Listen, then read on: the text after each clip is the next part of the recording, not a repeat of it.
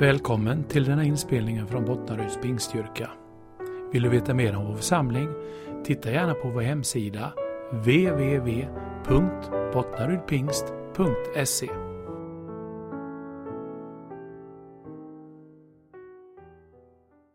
Eva Gustafsson heter jag och jag jobbar som eh, pastor i Pingstkyrkan här. Om det är någon som inte har sett mig innan så är det. Jag jobbar även där för er som har sett mig innan. Jag läste om eh, hur det var för eh, när Thomas han fick höra det här att Jesus levde. Och kan ni sätta er in i den situationen? Att någon som vi håller väldigt mycket av och som vi har följt under en tid och vi har varit med när han har blivit sjuk eller som här, eh, Jesus han blir ju misshandlad och fångad och, och dödad och, och alltihop. Och så helt plötsligt så kommer någon och säger, ja men han lever. En del av oss kanske hänger på med en gång. Ja men vad härligt, vad underbart att han lever. Åh, det, jag, jag bara längtar efter att få se det. Men jag tror att några av oss faktiskt skulle säga, jag är inte så säker på det.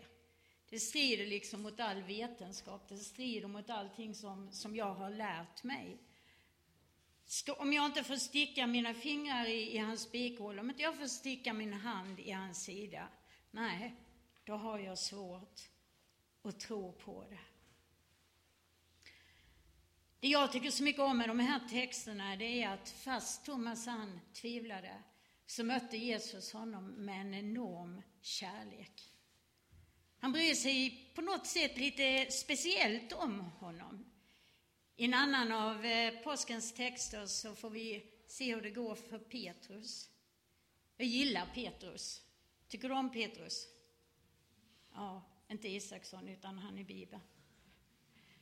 Han var sådär snabb i orden. Han visste och han kunde. Och, och när eh, Jesus frågade lärjungarna en gång eh, vem, vem säger människorna att jag är? Så svarar de, ja du är en profet, du är Elias, säger några, du är Jeremia, säger några så här. Och jag kan liksom tänka hur det bubblar inom Petrus, han vill bara svara. Och, och så till slut kommer det, du är Jesus, den levande Gudens son. Och så tittar Jesus på honom och så säger han, det där, det är ingen människa som har berättat det för dig, det har Gud visat för dig. Och det måste ha känts ganska gott för Petrus. Åh, jag har hört Gud tala. Gud har talat till mig, han har berättat, det, det, det var därför jag visste det. Och sen då när det närmar sig den här stunden då, då Jesus ska tas till fånga och, och de får vara med om allting så, så återigen så är Petrus ganska kaxig. Och så säger han, ja, om så alla andra förråder dig så ska inte jag göra det aldrig i livet att jag överger dig. Och eh, säger Jesus, Petrus, Petrus, redan innan tuppen har galt så ska du tre gånger ha förrått mig. Och så följer ju Petrus efter lite på avstånd, men ändå in på gården till eh, översteprästernas hus. Och så ställer han sig vid elden och värmer sig, rädd Därför det var fara för hans liv. Tog de honom så kom de avrätta honom också. Och så står där en liten tjänsteflicka, någon som egentligen inte är så mycket värd i det samhället. Och så känner hon igen Petrus och säger, men visst är du en av dem som gick med, Petrus, eller gick med Jesus? Visst är du en av dem som, som går i Svenska kyrkan? Visst är du en av dem som, som är i Allianskyrkan? Visst är du en av dem som, som har gått i Pingkyrkan? Nej, aldrig, sa han. Aldrig. Jag känner ingen av de människorna. Därför att han blir rädd. Och så går Jesus mellan soldaterna över borggården. Och så tittar han på Petrus. Jag har många gånger tänkt på den blicken, Jesu blick på Petrus. Jag tror inte den var förebrående. Jag tror inte den var dömande. Jag tror inte den var, vad var det jag sa, du skulle ju misslyckas. Jag tror den var så full av kärlek. Men när Petrus såg den så brast någonting inom honom. Men Petrus möter oss människor på ett speciellt sätt. Kan man älska alla lika mycket? Jag tror det. Tänk dig att du har åtta barn. Kanske är någon här inne som har det. Jag vet inte, jag känner inte alla. Men tänk dig att du har åtta barn och någon frågar, vem av dem älskar du mest? Ja, det är ju klart att man säger, ja men jag älskar allihopa lika mycket. Men ändå finns det liksom ett extra utrymme om den femte trillar och slår sig eller den fjärde, det går inte så bra för han i skolan eller eller den tredje kommer hem och är helt förtvivlad och liksom kärleken har, har krossats. Och, visst finns det ett extra utrymme av kärlek, eller hur? Då man tar sig an den speciellt. Jag tror att Jesus på ett sätt har det så också. Han älskar oss allihopa precis lika mycket. Han dog för var och en av oss. För att vi skulle kunna få kontakt med Gud igen. Men när det är speciella situationer, när vi behöver honom extra mycket, eller när vi gör extra mycket fel, då älskar han oss och möter oss. Thomas, han som inte riktigt köpte det de andra sa, utan han behövde se, han behövde veta. Jag har hört ganska och mött ganska många människor när man pratar med dem om kristen tro, man pratar med dem om Gud och om Jesus, så säger de, ja men om han finns så kan han väl komma ner och ställa sig här framför mig så att jag ser honom, då ska jag tro på honom. Det är egentligen ingen konstigt påstående. Därför att det står i Bibeln att vi tror på någonting som vi ännu inte kan se. Och det är ju det som är tro. Men någonting som var ändå speciellt med Thomas, tycker jag, det var att han var ändå med lärjungarna. Han stack inte sin väg. Han gick inte in i någon judoklubb eller karateklubb eller började spela schack och la ner allting. Utan fast han tvivlade, fast han inte kunde vara säker på det här, så stannade han ändå kvar med dem. Och så kommer andra tillfället när de möts och så får han se Jesus på det här speciella sättet.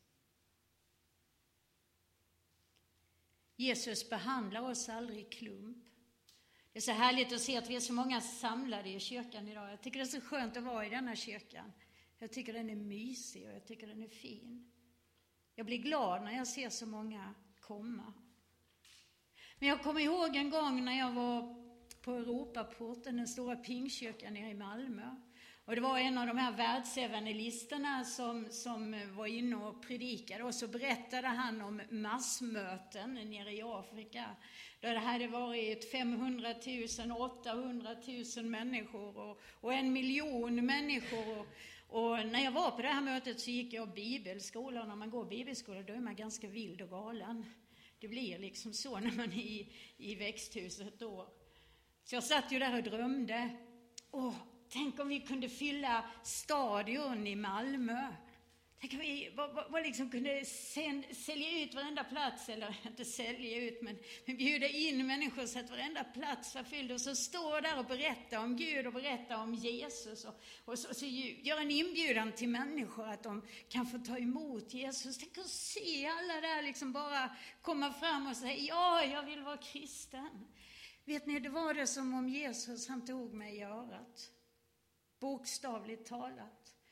Och så sa han, du Eva, sa han, jag frälser aldrig människor i klump. Jag möter alltid människor en och en. Och det lärde mig någonting. Det lärde mig att ha lika mycket respekt för människor och sammanhang om man sitter en och en. Ibland åker jag hem till hemgrupper och undervisar. Ibland när jag reser och förkunnar så kommer jag till ett kapell långt ute på landet att det kanske är fyra stycken samlade. Och de skäms när man kommer för de säger, ja vi är så liten församling här, vi är inte så många. Och jag säger, det spelar ingen roll, det som spelar roll är människor som har kommit. Det är ni som är viktiga. Det är ni som är älskade. Det är för att ni är här som vi kommer. Sen är det roligt att predika när det är tre, fyra tusen människor. Det är också en utmaning. Men det handlar aldrig om mängden, utan det handlar om dig. Att du är här.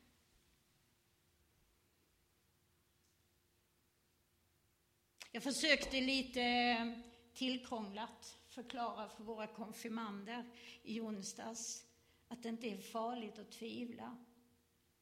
Därför att tvivel och otro är inte samma sak.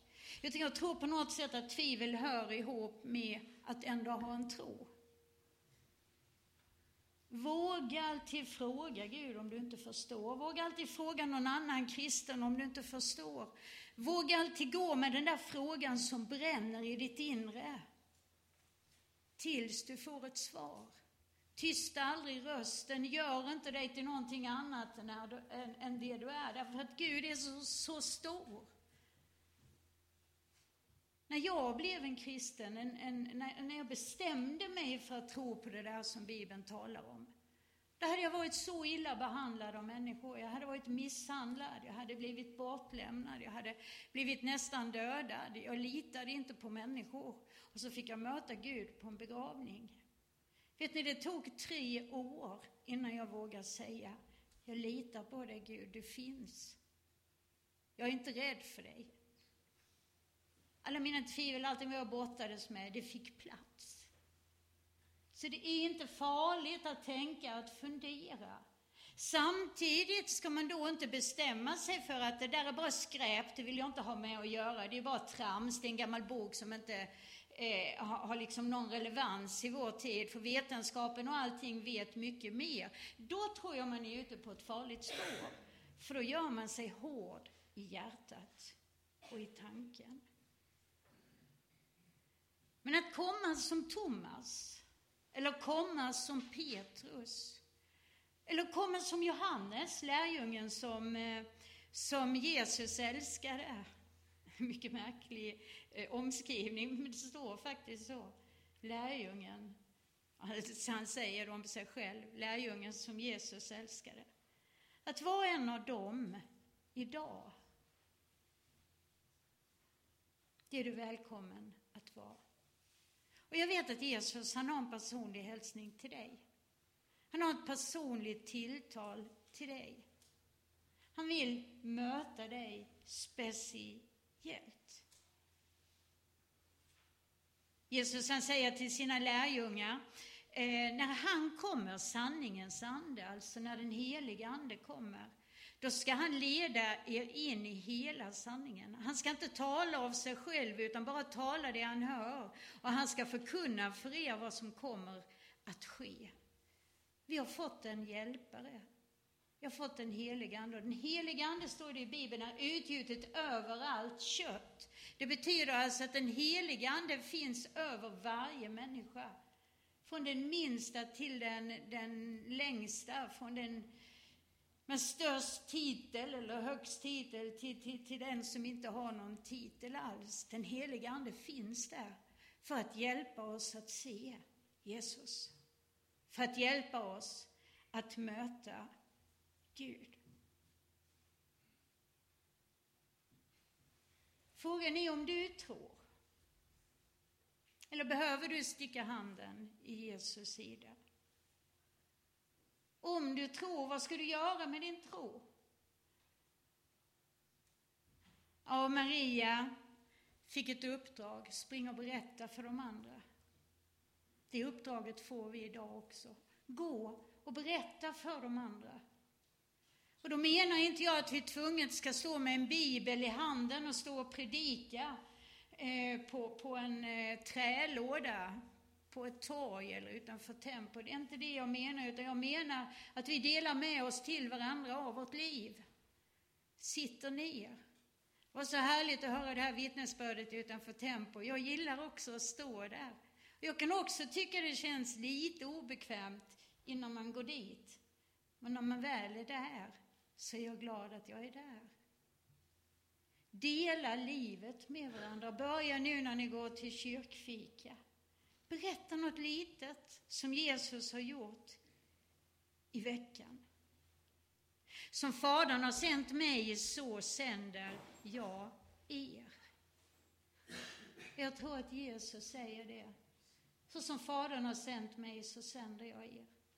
Att älska en trasig värld. Att tala gott istället för illa. Att välsigna och inte förbanna. Att lyfta blicken och sätta sig över omständigheterna. För det behöver vi. Bottnaryd behöver människor som kommer samman i den här tiden. Människor som står skuldra vid skuldra och hjälps åt. Om vi lägger vår mänskliga kärlek tillsammans, så tillsammans med den heliga Ande, tillsammans med Jesus, tillsammans med Gud, så kan vi få vara med och göra det här till en plats som är präglad av omsorg, nåd, generositet och kärlek till alla människor. Jag hoppas att det har väckt en tanke hos dig. Jag hoppas att det har lyft dig. Och jag hoppas att du känner dig älskad. Därför jag vet att Jesus älskar dig. Och tack för att vi får vara påskens vittne. Så här lång tid efter så vet vi att han lever. Tack Jesus. Jesus, jag vill bara be för var och en som är samlade här. Vi tackar dig för att du ser och känner var och en vid namn. Du vet våra tankar, du vet till och med mer än vad vi själva vet om oss. Men vi ber Jesus att vi får gå ut i en dag tillsammans med dig, en vecka tillsammans med dig. En vecka där du bär, där du uppmuntrar, där du lyfter, där du välsignar, där du andas på oss och där din heliga Ande är med oss. Amen. Du har just lyssnat på en inspelning från Bottnaryds pingstkyrka. Mera inspelningar finns på vår hemsida www.bottnarydpingst.se. Gud välsigne dig.